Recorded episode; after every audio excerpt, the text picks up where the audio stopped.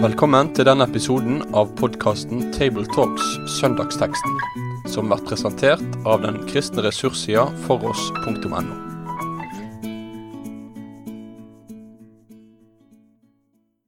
Da ønsker jeg velkommen til en ny utgave av Tabletalks. Så vi skal snakke om søndagens tekst. Det er eh, Egil Sjåstad, det er eh, Svein Granerud og jeg, Asbjørn Kvalbein, som skal se på teksten fra Johannes 14 i dag. Og vi leser Jesu navn. La ikke hjertet bli grepet av angst. Tro på Gud og tro på meg. I min fars hus er det mange rom. Var det ikke slik, hadde jeg da sagt dere at jeg også går og vil gjøre et stand et sted til dere.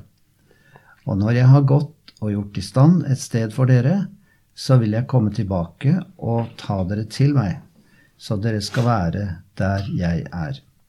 Og dit jeg går, vet dere veien.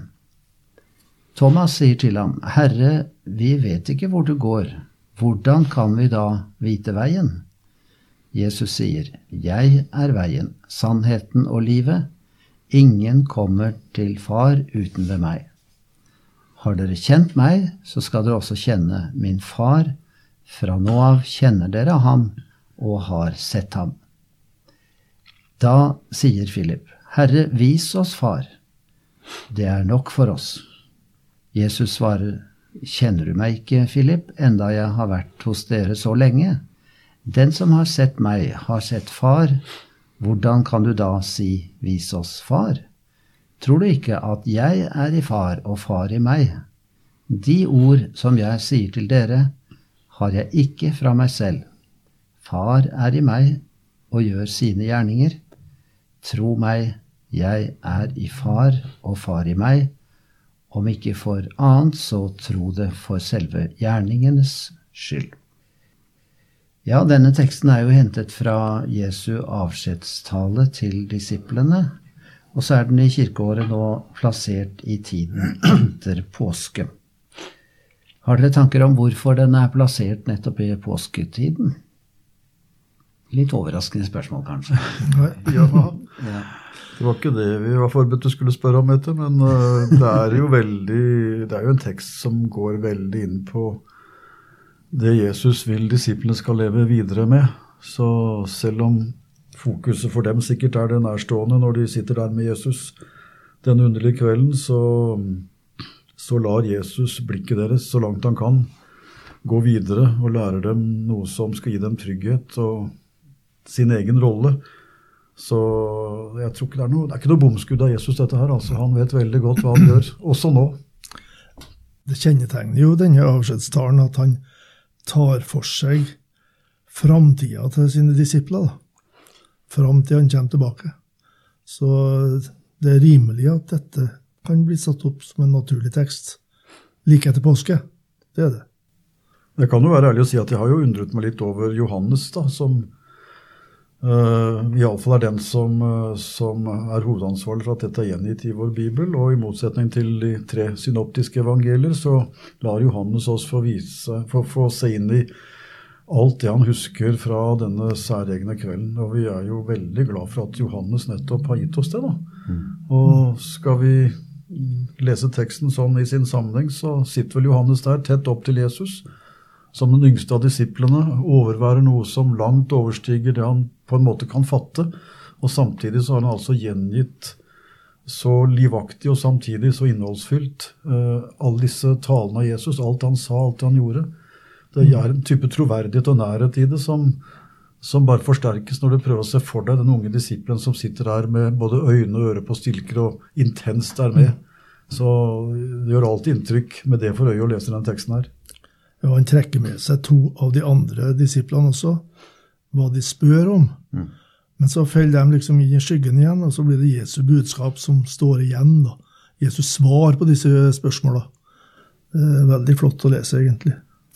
Og Det er jo så innholdsrikt og fint. Jeg tenker på det første verset her. Det har man nesten strevet med å oversette, for det er i hvert fall mange versjoner av det.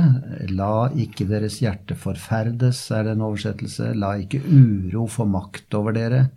La ikke hjertene deres bli bekymret, la ikke hjertet bli grepet av angst.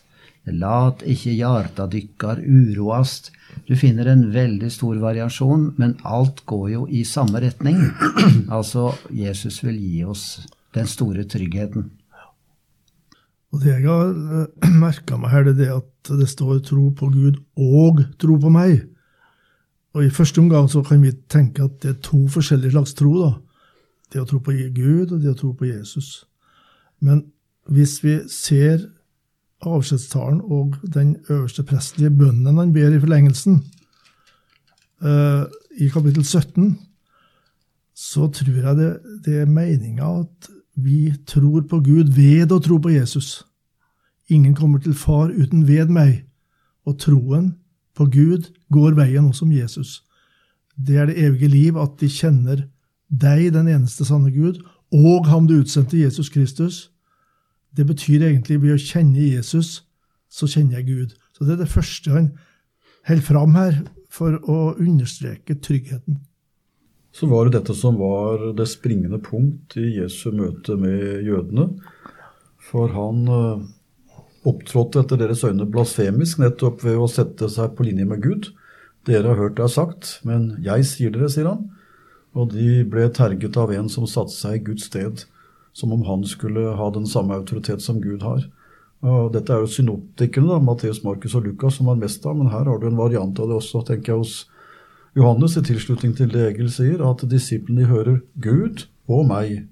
Det er samme sak. Det er samme sak. Jesus er han som gir oss møte med Gud. Han er ikke underordnet eller en talsmann kun. I møte med Gud, Jesus, så møter vi Gud. Jeg tror at predikanter her må være veldig obs på hvor lett folk vil si at de tror på Gud, uten at de er bevisst at skal vi tro på Gud, så må vi veien om Jesus. Det står jo her i, kapittel, i vers 9, da. Den som har sett meg, har sett Faderen. Så du kan ikke ha et frelsende forhold til Gud uten gjennom Jesus. Jf. også det han sier i vers 6 her, da. Ja. Så her, plasserer Jesus seg som den som avgjør menneskets gudsforhold og evige skjebne. Det sies jo ikke tydeligere noe sted enn dette. da. Nei, det ikke det. Ingen kommer til far uten ved meg. Det er helt Nei, Det er det mange som har talt en del om. Ikke sant. Ja, det er en utrolig teologisk tekst, dette her, i, til å lære om Jesus på en god måte. Samtidig, vet du, så var det ei jente vel som sa det i søndagsskolen, at ja, han eh, Jesus han var sønn av en snekker, og Jesus var selv en meget god snekker, og han driver nå og snekrer rom til alle sine barn i himmelen. Så det er liksom noe jordnært over det, hvis man skal tolke det sånn. Altså, Hvordan skal vi tolke dette? At eh, det er mange rom i fars hus, og jeg holder på å gjøre i stand for dere.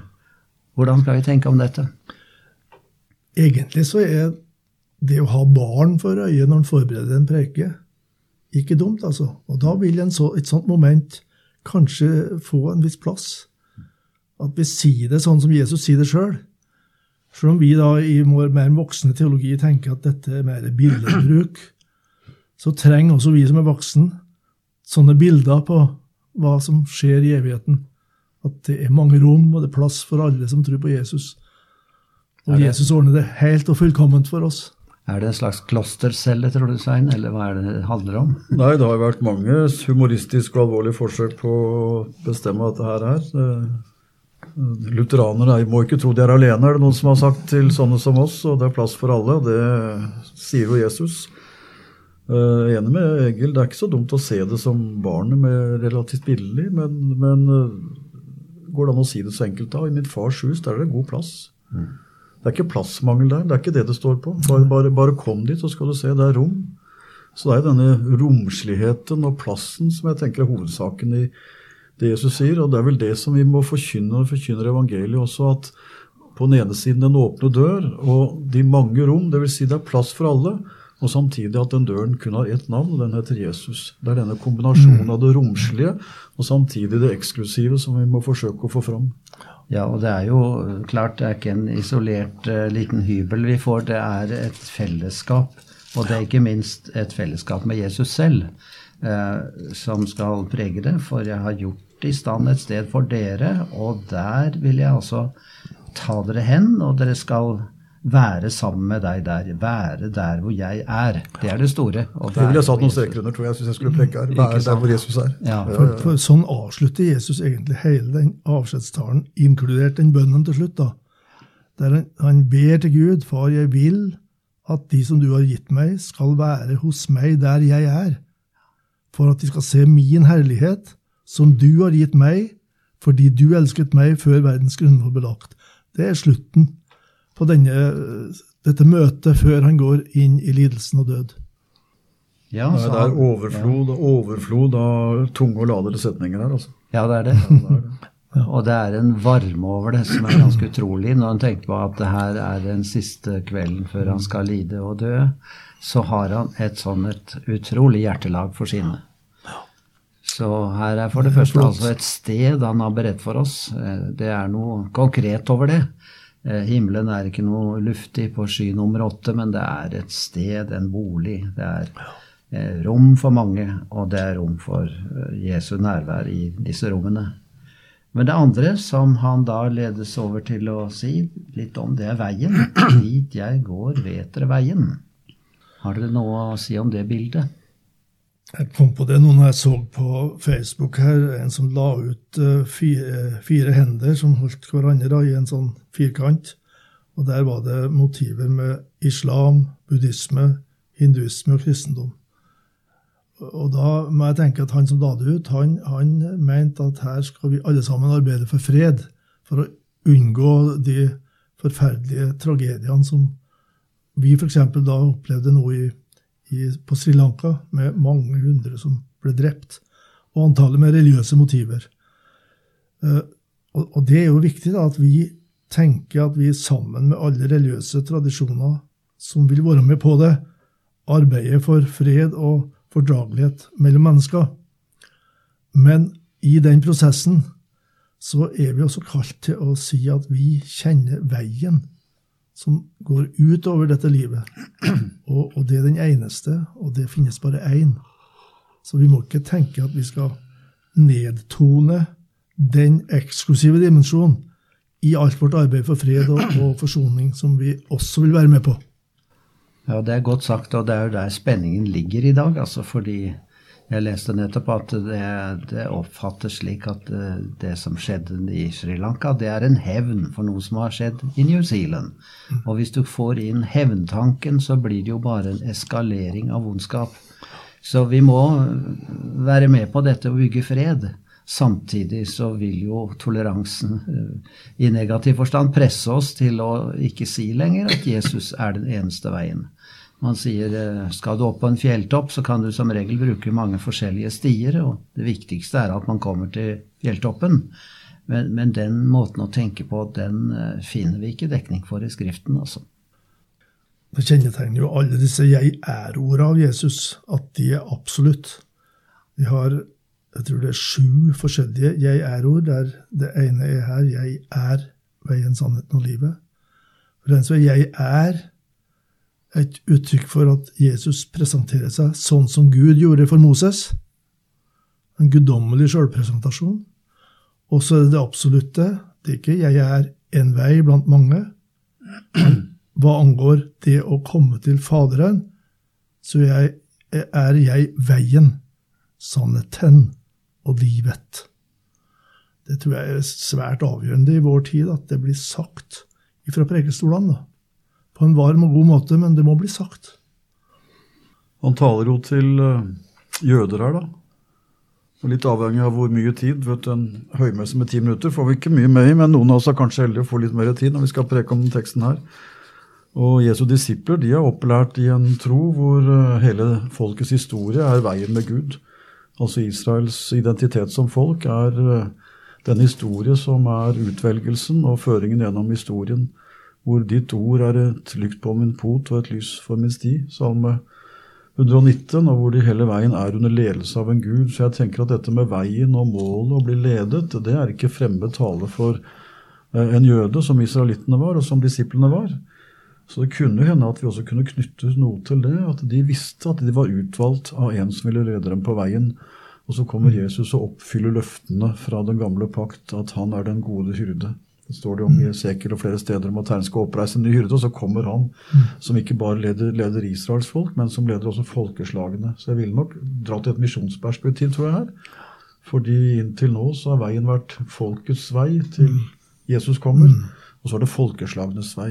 Og det er jo der vi er og skal gi det videre. Ja, så er det jo den siden ved Gud at han er far. Den, den var kanskje litt eh, Den var jo åpenbart i Det gamle testamentet, men den ble for alvor åpenbart ved Jesus, vil jeg tro. Og da sier han jo at ingen kommer til far uten ved meg. Man lærer ikke Gud å kjenne som den farsfigur han er, uten gjennom Jesus. Og når han har snakket om det, Jesus, til eh, Thomas om veien, så er det at Philip må spørre ja, men da er det vel så viktig at far er i sentrum, og at, at det er det viktigste for oss. Det gir jo grunnlag for en hel bibeltime, bare begrepet far eller Faderen. Så hyppig som Jesus bruker det, da. Og hva det kan fortelle både om en vi skal ha respekt for, og tillit til. I dag så blir det jo ofte sagt at uh, mange har en farsfigur, eller forestillinger om en far som ikke er god, og at det er et problem å bruke det i den kristne forkynnelsen. Muligens er det et problem, men det skal vi løse ved nettopp å bruke det, og bruke det på en riktig måte, sånn som Jesus bruker det, om en far som elsker, og som elsker og elsker. Ja, jeg sier av og til det når jeg har en forsamling med en viss eh, hva skal jeg si, litt bredde i, at det er jo ikke alle som har opplevd en far som er regna til å gi de gode assosiasjoner når du hører Jesus peke på sin far. Men uh, da er det noe godt å fortelle deg om en far som, uh, som, er slik og slik. Så det kan jo ligge en mulighet til nettopp å knytte opp også mot en mm. virkelighet som for noen ikke, ikke er god. Og så drar i hvert fall jeg fortsatt litt sånn nytte av at vi har hatt et uh, språkskifte da, fra faderen til far. Jeg, jeg, jeg havner veldig ofte i faderbegrepet. Ja. Men jeg er jo kommet dit at både når det gjelder kropp i nattverden og far i uh, gudsbegrepet, så hjelper det til å være en jordnær. Og jeg uh, kan jo såpass gresk at jeg vet at det var den dagligdagse gresken de brukte Jesu disipler. Så vi er i, på god bølgelengde med det språket som også det nye testamentet ble skrevet i, når vi bruker de vanlige ordene om Gud som far. Og da blir det jordnært. Og ja, det skal vi preke om. Mm. Det er nok et aspekt av autoritet allikevel av jordet far, som lett blir borte i dagens uh, forkynnelse. For vi tenker at far er en som ikke nettopp skal øve sterk autoritet. Men hos uh, Jesus og hans farsbilde, da, så er denne Eh, autoriteten og kjærligheten sånn kombinert at det motsvarer vår respons elske og ære. Frykte og elske. Som, frykte og elske, som Luther sa. Mm. Ja da, og, og, Jesus plasserer seg i den forstand også under sin far og sier at det, er ikke mine ord, disse har jeg fra min far. Det er ikke meg selv jeg forkynner. Og det er jo ydmykt og flott sagt og viser den veldig flotte balansen, forbilledlig som det er i treenigheten. Hvordan eh, Jesus underordner seg sin far, både i Ja, også på korset. Far, tilgi dem. Far, i dine hender, overgi meg. Det er eh, fantastisk å se, og samtidig så, så må dere tro at vi er ett. Jeg er i far, og far i meg. Hvem kan skjønne det? Hvem kan gripe det? Men uh, her er mye flott å meditere over. Det er ikke mange tekster som gir oss så mye godt stoff til å tegne treenigheten som den, eh, den, teksten her, eller som Jesu avskjedstale også i det hele tatt. Så vi sliter vel med problemet vi har hatt flere ganger vi har sittet her, at, uh, at teksten har nesten mer enn vi kan rekke igjen. Men det er jo vårt privilegium å løfte det fram, og så får folk ta med det de trenger. Det er veldig mye å ta med av rike innspill, eller innsteg, til selve gudsforståelsen her. Og Samtidig så er det som vi sa innledningsvis, det begynner og slutter med Jesus. For det er der døren inn til det hele er. Han er døren. Men det er jo ofte sånn at uh, tar vi med altfor mye, så husker man ingenting. Mm. Jeg husker en gang var en bibeltimeserie jeg hørte en gang, som hadde det ene temaet 'Vis oss Faderen, og det er nok'. Og så gikk det gjennom i tre bibeltimer. Og så hørte vi om Faderen. Og da glemte du ikke det, vet du. Det er sikkert 50-60 år siden jeg hørte det. Det er noen som sitter ved matbordet fro ved frokosten søndagsmorgen, som leser søndagens tekst. Fortsatt er det noen som har den vanen, da. Og da er det visse ting de hekter seg tak i, som en predikant helst bør tenke at skal jeg kanskje gi et svar på det. Og her er det et problem i startfasen som vi ennå ikke har berørt, nemlig hva menes med at han kommer tilbake og tar oss til seg? Er det hans gjenkomst, eller er det når vi dør? Eller kanskje vi skal ikke gjøre noe problem av det i hele tatt, at vi ser dette under ett. Men det, men det konteksten her er sånn at Jesus går bort. Da er det kors og oppstandelse og himmelfart. Og så kommer igjen er hjemkomsten. Det er gjenkomsten. Det er sånn med umiddelbare. Men han kommer jo også når vi dør, da. Ja. Jeg vet ikke hva dere vil svare, men jeg, jeg tar det liksom litt ut av den historiske konteksten og, og, tenker på dette 'Min Herre Jesus henter meg snart hjem til seg'. Altså. Og det er, det er det sjelesørgeriske aspektet vi skal hvile ved her. At um, å bli henta, som de sier i barnehagen, det er veldig stas når noen Ja, henter er meg. flott. Ja. Og jeg vil vel også, i hvert fall i en preken hvor vi skal ha med litt av det andre vi har sagt, så ville jeg nok tatt måte, det sentrale elementet i at, at Jesus åpner vei til et, en evighet hos Gud. Og så er det ting med det som jeg ikke forstår. Eh, hvis jeg hadde hatt en egen time om dette med å bli hentet av Jesus, da ville jeg nok talt om de tre nivåer, tenker jeg. Stikkordsvis at han kommer tilbake i oppstandelse. og lukker det inn i et nytt fellesskap med seg, hvor han går med dem alle dager. Det er første nivå. Andre nivå det er i min død. Da henter han meg og tar meg inn i sine hender og lar meg hvile der, til oppstandelsens dag, hvor han gjør alle ting nye, og hvor han skal bo sammen med meg på en ny jord. Så det er tre nivåer av oppfyllelse her. og det hadde jeg gjerne talt om, men jeg er ikke sikker på om jeg klarer å presse det inn i alt det andre gode vi har talt om i dag. Nei, det verden. Nei. Kanskje har vi likevel gitt en predikant noen tanker gjennom det vi har sagt. Vi får håpe det. Ja. Det er jo en flott overskrift da, som jeg minnet om at uh, dette at vi ikke skal bli bekymret. Og det gjaldt jo i høy grad en uh, disippelflokk som var meget forvirret. For de skjønte nå var det alvor, og nå gikk det mot et høydepunkt. Tro på Gud og tro på meg. Det er det vi må gjennom livets mange kamper. Eh, og så er det da disse store gavene med et sted som jeg venter på oss, og det er en vei som fører dit, og så er det en far som er åpenbart i Kristus. Ja, hva vil dere lagt vekt på, brødre, å tale om i denne teksten her? Når jeg sitter og tenker en sånn, ikke oppsummering kanskje, men et, et sånn stikkord som for meg er av og til til hjelp for å holde fast hva evangeliet er, nemlig at alt det Jesus sier, er det han er. For eh, som småbarnet på julaften, du har litt for få hender til å holde fast i alle gavene. Sånn kan den kristne også holde, oppleve det av og til, og litt for mange ting å tenke og huske på. Men da får vi si til hverandre eier du Jesus, så har du i ham alt det han har. For han gir deg det han er. Og Derfor kan det komme tider hvor det å holde fast på Jesus er nok. Og så får vi gode stunder huske en del ting som gjør oss rike. Jeg vet ikke, men eh, for min del så ville det kanskje ha blitt tre punkter altså, knytta til det du begynte med, Asbjørn. Mm. Starten her om tilliten til Han som går bort for å berede oss sted, og eh, veien til dette stedet, som er han sjøl, og det han har gjort, og det han skulle utføre da han like etterpå døde oppsto. Og så noen ord til slutt om at hvem er den Jesus? Altså, han er så tett på Faderen at det er umulig å komme til Faderen uten gjennom Jesus. Noe sånt.